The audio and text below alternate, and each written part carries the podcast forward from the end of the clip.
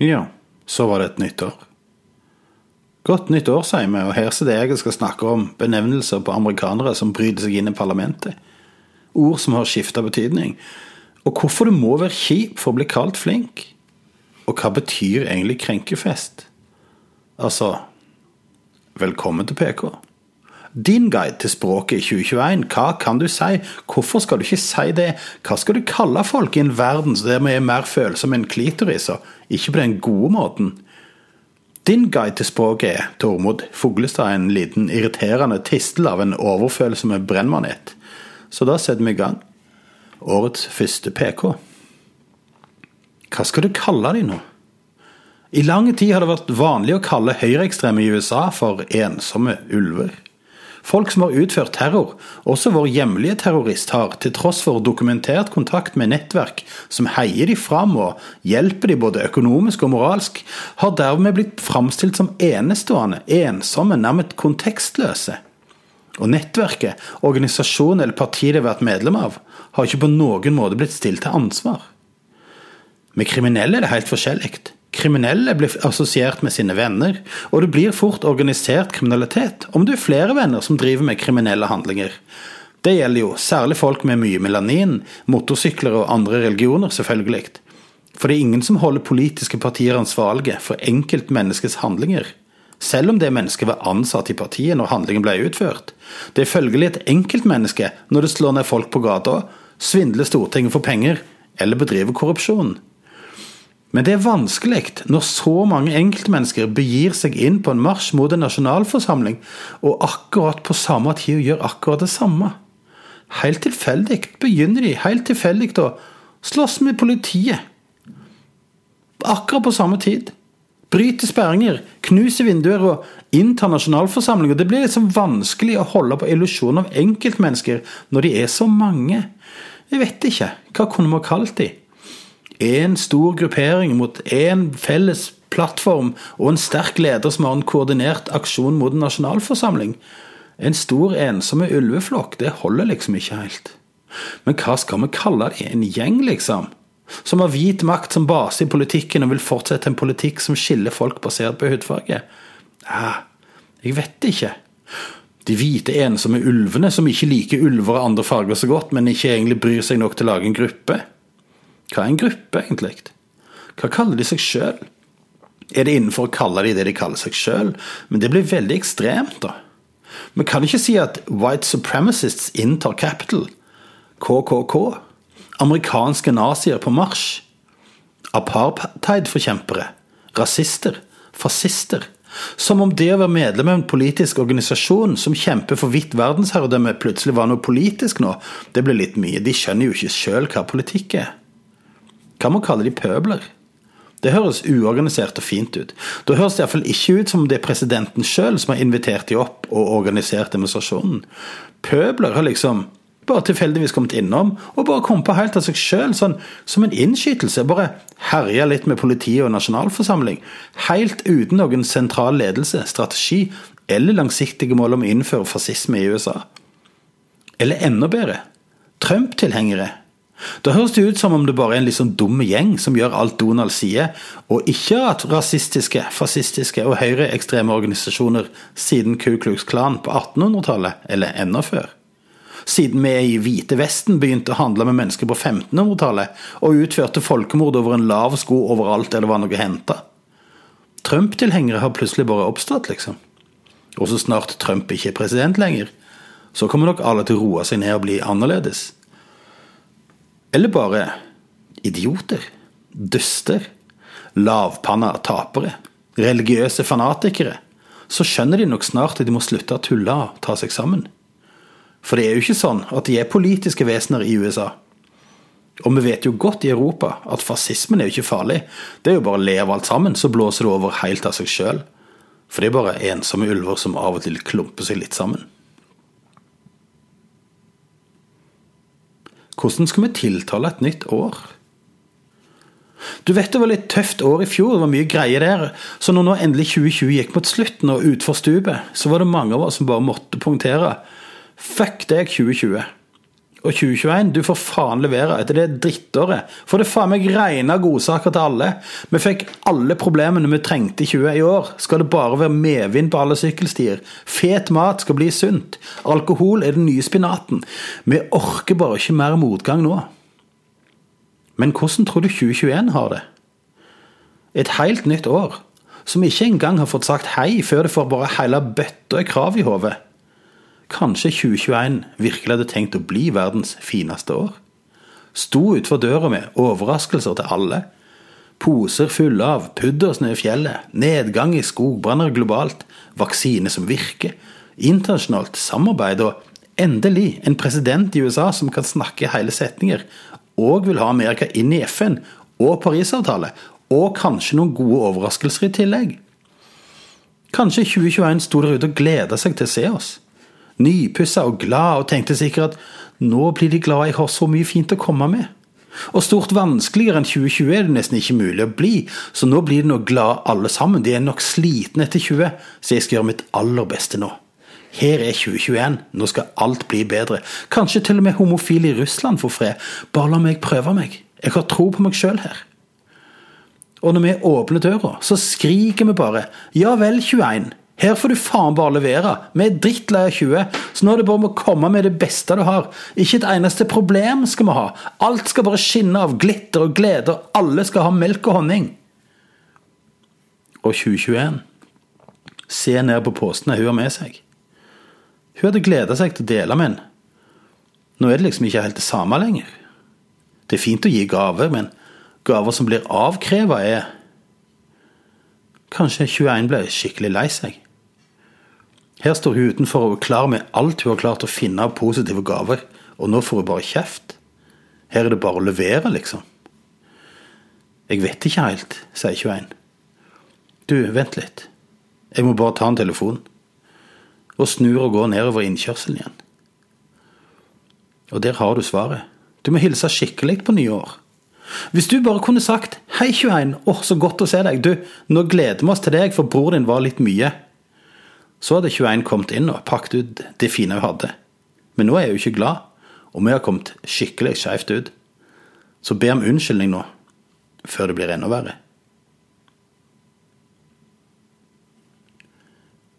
Krenkorama. En metode som har bredt om seg i det siste, er å kalle alle ytringer en ikke liker for krenkorama. Krenkefest. Krenk krenkelsen for en krenk. Dobbeltkrenka snøfnugg gjerne iblanda noen ord om den som ytrer seg. Den er gjerne overfølsom, lettkrenkelig, fantasifull eller bare ond. Tenk at det går mennesker omkring og bare leter etter ting å bli fornærma av, kan du si. Og dermed har du feid vekk hele ytringen. Vi som har levd siden 70-tallet, har sett denne metoden brukt i mange varianter. Det er en mangfoldig og fin debattmetode som kan brukes på mange vis, og formålet er å fastslå at det er kun dine egne følelser, meninger og opplevelser som er gyldige som referanser. Og hvis noen skulle bruke noen andre følelser, meninger eller opplevelser som referanse, så er de helt enkelt feil. Varianter av metoden. Gaslighting og late som den som snakker, ikke har sagt noe, eller svare på noe annet enn det den har sagt, bare for å understreke hvor uviktig mennesket er. Gjerne brukt mot barn, kvinner, minoriteter og motdebattanter i Dagsnytt 18.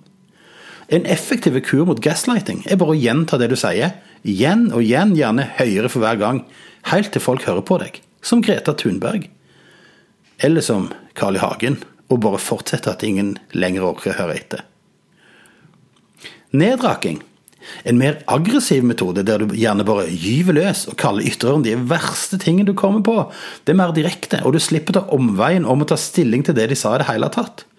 Gjerne brukt mot folkegrupper du ikke liker, minoriteter, kvinner, politiske motstandere og programledere i debatten.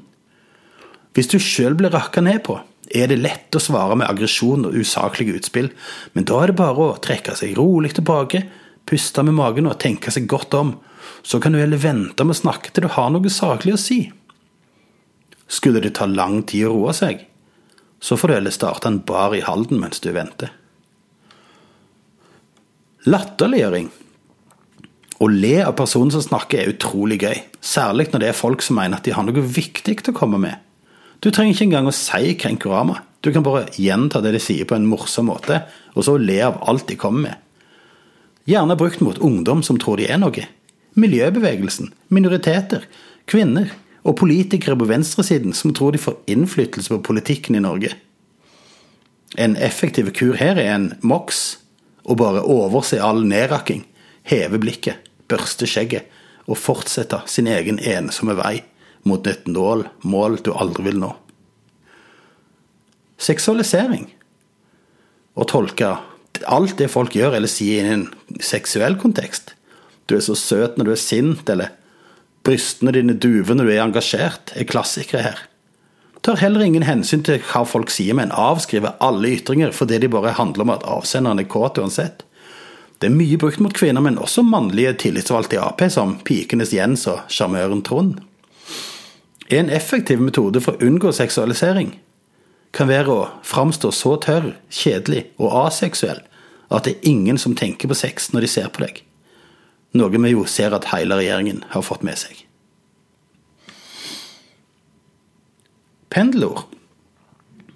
Altså, gjennom språkets mangfoldige veier kan ord få nye betydninger, og noen ganger kan de rett ut skifte betydning fullstendig. Og da snakker vi om såkalte pendelord, som plutselig bestyrer det betyr det stikk motsatte av hva de opprinnelig gjorde, som malurt i begeret.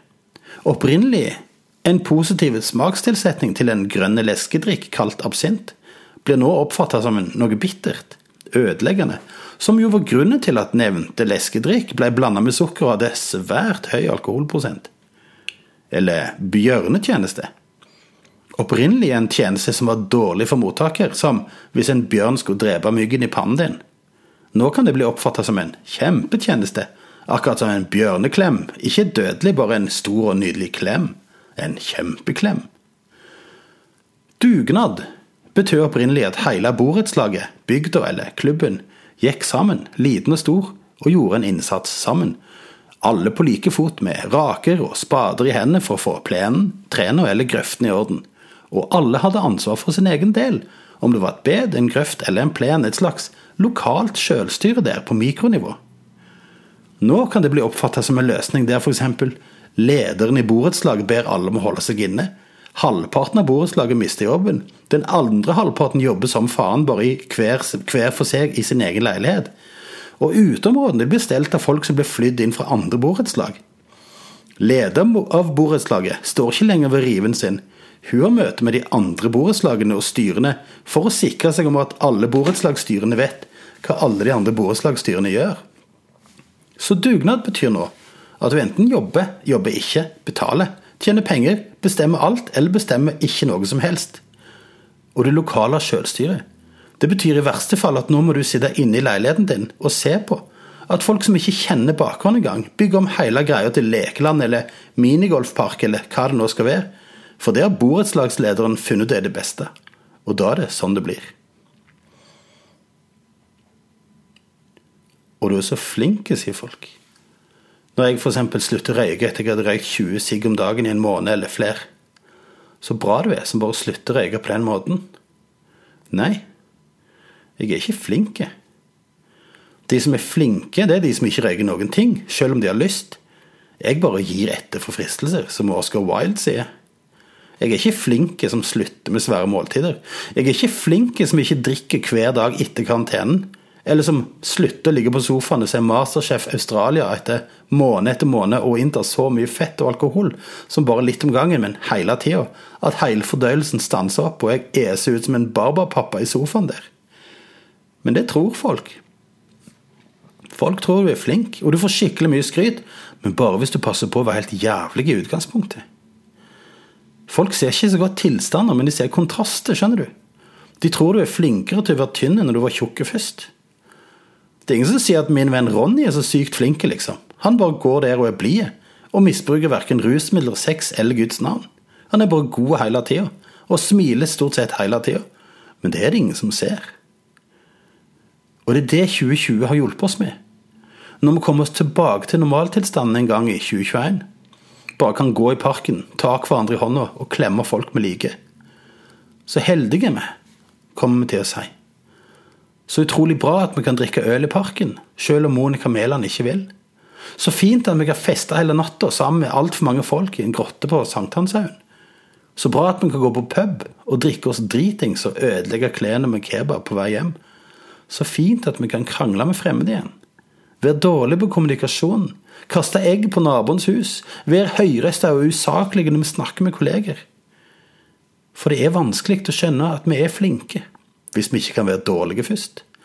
Men snart kan vi være dårlige igjen, sammen. Så da kan vi være flinke òg, sammen. Og med det takker PK for seg og går rolig ut i snøen.